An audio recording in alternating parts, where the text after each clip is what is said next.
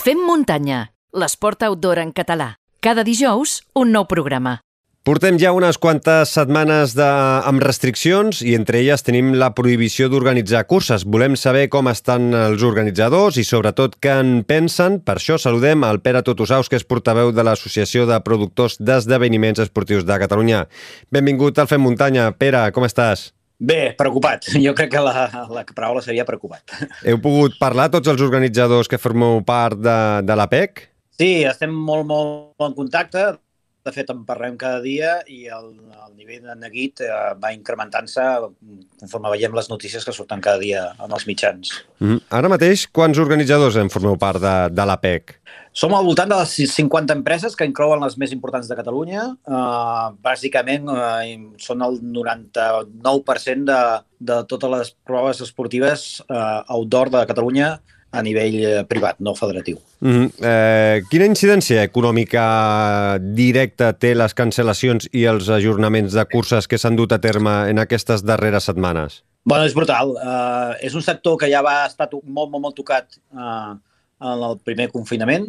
Uh, tot el sector va fer un esforç brutal uh, per posar-se al dia en quant a protocols, en quant a tot tipus d'activitat uh, eh, sanitària que fes la curses, les curses segures eh, i aquest esforç que hem fet durant aquests mesos i ens ha permet ja produir curses de manera totalment segura, amb un èxit absolut, amb una aprovació per part dels corredors i dels ens públics a nivell local doncs, eh, molt positiva i tot aquest esforç s'ha vist troncat pues, amb les darreres decisions del, del govern de la Generalitat que òbviament estem en total desacord. Uh -huh. Abans de la prohibició de les eh, proves esportives no professionals ja era força difícil organitzar curses Només algunes empreses eh, podien tirar mm. endavant i la majoria han hagut de, de cancel·lar. Per què ha sigut tan difícil poder organitzar proves aquests eh, darrers mesos des de l'obertura del primer confinament?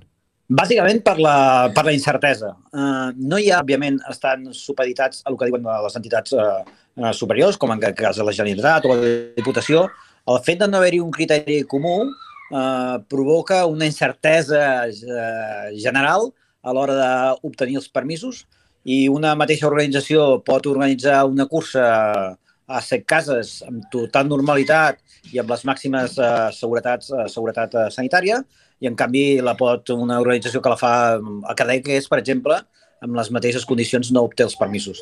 Això fa que la incertesa sigui brutal, aquesta incertesa també es trasllada als corredors i és una incertesa que provoca un desequilibri emocional, econòmic i una repercussió eh, molt nefasta cap al món empresarial perquè, òbviament, el, el dia a dia eh, ens el fa gairebé impossible. Eh, Pere, eh, les prohibicions o la falta de permisos d'on han arribat? Dels ajuntaments, del Procicat, de les diputacions, de, de la FEC? Eh, eh, qui és el que no donava els permisos o qui és el que mm, prohibia? Uh, les negatives venen a, dos nivells. Uh, si una cursa està implicada un parc natural, uh, això vol dir que és, implica la participació de la Diputació, i les, les, les diputacions en general, i sobretot la de Barcelona en particular, s'han negat a fer qualsevol activitat esportiva. Eh, eh, sota uns criteris eh, sanitaris que no li corresponen tampoc, perquè és una gestora eh, mediambiental, i, òbviament, el qui, qui talla el bacallà en aquest cas és el Procicat, que pren mesures eh, que considerem nosaltres eh, generalitzades, eh, en comptes de prendre mesures més eh, quirúrgiques i atacar el problema de fons, i en canvi el fet de prohibir les curses en general doncs afecta a un col·lectiu que està fent les, les coses molt ben fetes i amb, amb la màxima seguretat. Pere, tens constància d'algun rebrot en alguna prova que s'hagi dut a terme a, a Catalunya, d'alguna de les organitzacions o d'algun dels organitzadors que formen part de, de l'APEC? Això és el que ens fa més ràbia, cap, zero. És a dir, zero incidències, zero rebrots, zero infeccions eh, ni contagis en curses en, en el món de la muntanya. Uh, fa poc va sortir un informe del Ministeri uh, espanyol d'Esports de, que deia que només el, sembla que era un 0,7% dels casos uh, s'havien donat en, en activitats esportives i parlava bàsicament d'activitats indoor, en llocs en pavellons tancats. Òbviament, en una activitat a l'aire lliure, fins i tot els, els epidemiòlegs més famosos i els metges més, més prestigiosos diuen que el risc d'un possible contagi a l'aire lliure enmig de la muntanya és bàsicament zero. Pere, algú us ha, informat si aquesta situació ha de durar moltes més setmanes o la incertesa és total? Aquí estem, aquí estem. La incertesa és total, eh, els, els, el que estem fent és reprogramant la, calendaris. Eh, això, òbviament, perjudica molt els corredors, perquè els corredors tenen la seva preparació, fan les seves reserves a nivell d'hospedatge, eh, a nivell organitzatiu ja pots imaginar que és un caos eh, molt, molt, molt gran, el fet de canviar una cursa de data quan l'estàs preparant des de fa mesos. Tot i aquest esforç, eh, nosaltres estem pendent de que eh, la Generalitat, i en aquest cas el Procicat, doncs s'ho repensi i consideri l'esport com una, com una necessitat, com, una, com part de la solució del problema i, òbviament, el fet de que la gent deixi de fer esport i deixi de fer competir doncs, afectarà segur, segur, a la salut general de la població tant física com mental. La gent necessita córrer, necessita anar a la muntanya i el fet de, de prohibir, només pel fet de prohibir, doncs no, no ho entén pràcticament ningú. I què podria comportar si aquesta situació s'allarga massa més o si es torna a repetir un, unes restriccions com aquestes eh, doncs d'aquí pocs mesos? Eh, eh, hi haurien moltes empreses eh, afectades o molts organitzadors que no podrien eh, tornar a tirar endavant eh, nous projectes? Exacte, el sector bàsicament bàsicament està a la UBI, eh, està en un moment molt, molt, molt crític. En la majoria d'empreses eh, s'aguanten pels pèls amb ajudes, eh, hi ha molts llocs de treball pendents i el fet de que no veiem el final del túnel i la llum eh, gairebé se'ns negui i se'ns tanqui directament, doncs eh, fa que moltes empreses ja estiguin plantejant o, o tancar o fer ERTES o fer algun tipus d'activitat, algun tipus d'acció, perquè eh, la situació és, avui dia, a data d'avui, és insostenible. Et faig dues eh, preguntes eh, en una. Pere, eh, vosaltres amb qui esteu en contacte? Amb quina institució competent esteu en contacte? Nosaltres que sempre tenim la voluntat de, de, d'ajudar, de buscar consensos i de buscar sinergies positives. Llavors vam fer un primer contacte amb la Secretaria General de l'Esport, el secretari ens va prometre que, que, que ens escoltaria, que ens donaria veu, eh, que ens tindria en compte, però lamentablement i molt a pesar nostre doncs hem vist que han passat les setmanes, han passat els mesos i l'esport no federatiu doncs no es té en compte, no es té en compte les ajudes quan parla, quan parla, quan sentiu parlar de les ajudes que donen els diferents sectors, quan parlen del sector esportiu, parlen del sector esportiu bàsicament federat, parlen de les federacions, que òbviament òbviament s'han d'ajudar les federacions esportives, però també s'ha d'ajudar el que és l'esport no federat, perquè llavors hi ha un sector molt gran eh, que queda completament desemparat, eh, queda oblidat i pràcticament ens sentim eh, menyspreat en aquest aspecte, eh, tant en el sentit de, de preveure ajudes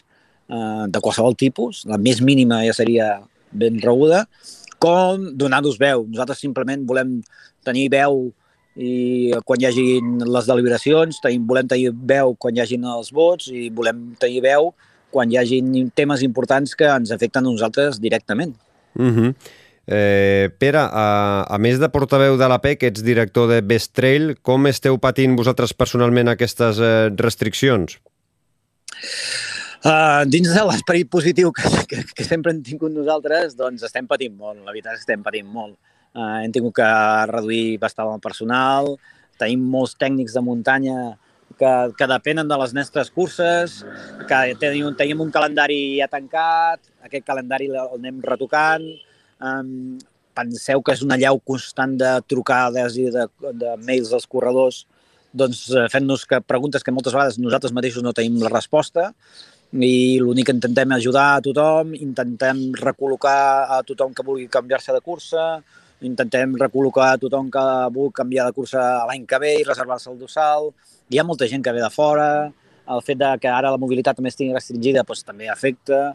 Um, és un patiment dia a dia que, que sap greu, sap greu, perquè nosaltres ens estimem molt la natura, ens estimem molt l'esport i estem convençuts de que és una activitat segura i ens, ens, ens sap molt de greu, molt de greu, molt de greu no poder organitzar una cursa mig del Pirineu eh, perquè hi ha un decret que és, ja et dic, generalitza, eh, eh, fa pagar justos per pagadors i que eh, la majoria de la gent el troba injust. Llavors, simplement demanem al, al govern eh, que ens escolti, eh, que s'ho repensi i que prengui les mesures que hagi de prendre, però que no siguin generalitzades i que permeti a la gent fer com a la resta dels països europeus, eh, l'esport està considerat com part de la solució del, de la pandèmia. I tant, com a mínim a nivell psicològic. Uh, heu canviat de data fins a dues ocasions les 5 cims, uh, a més sí. heu canviat ja de localització de Breda a Osó, ara teniu, la teniu sí. programada el 20 de desembre i també teniu sí. la Terra Negra mm, en principi el 22 de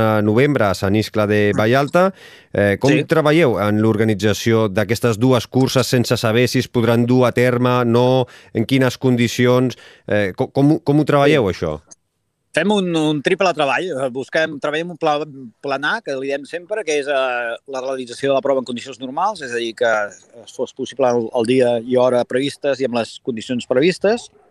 Sempre treballem un pla alternatiu, que és buscar una data eh, en el cas de que les restriccions eh, prossegueixin, i un tercer pla és el de canviar la data i també la localització, si per un error, com ens va passar amb les 5 cims, doncs la Diputació de Barcelona eh, doncs ens envia un mail que ni gairebé ens notifica oficialment, ens envia un mail una setmana abans de la prova dient-nos que, segons ells, el, el, la, la, la cursa era un perill públic gairebé. Eh, Això al, al sempre... Parc Natural de, del, del Montseny, eh? Sí, el Parc Natural del Montseny té un currículum extens amb, amb mesures d'aquestes de darrera hora, també va patir la, la Marató del Montseny també va I la ultra del Montseny, la Marató del Montseny...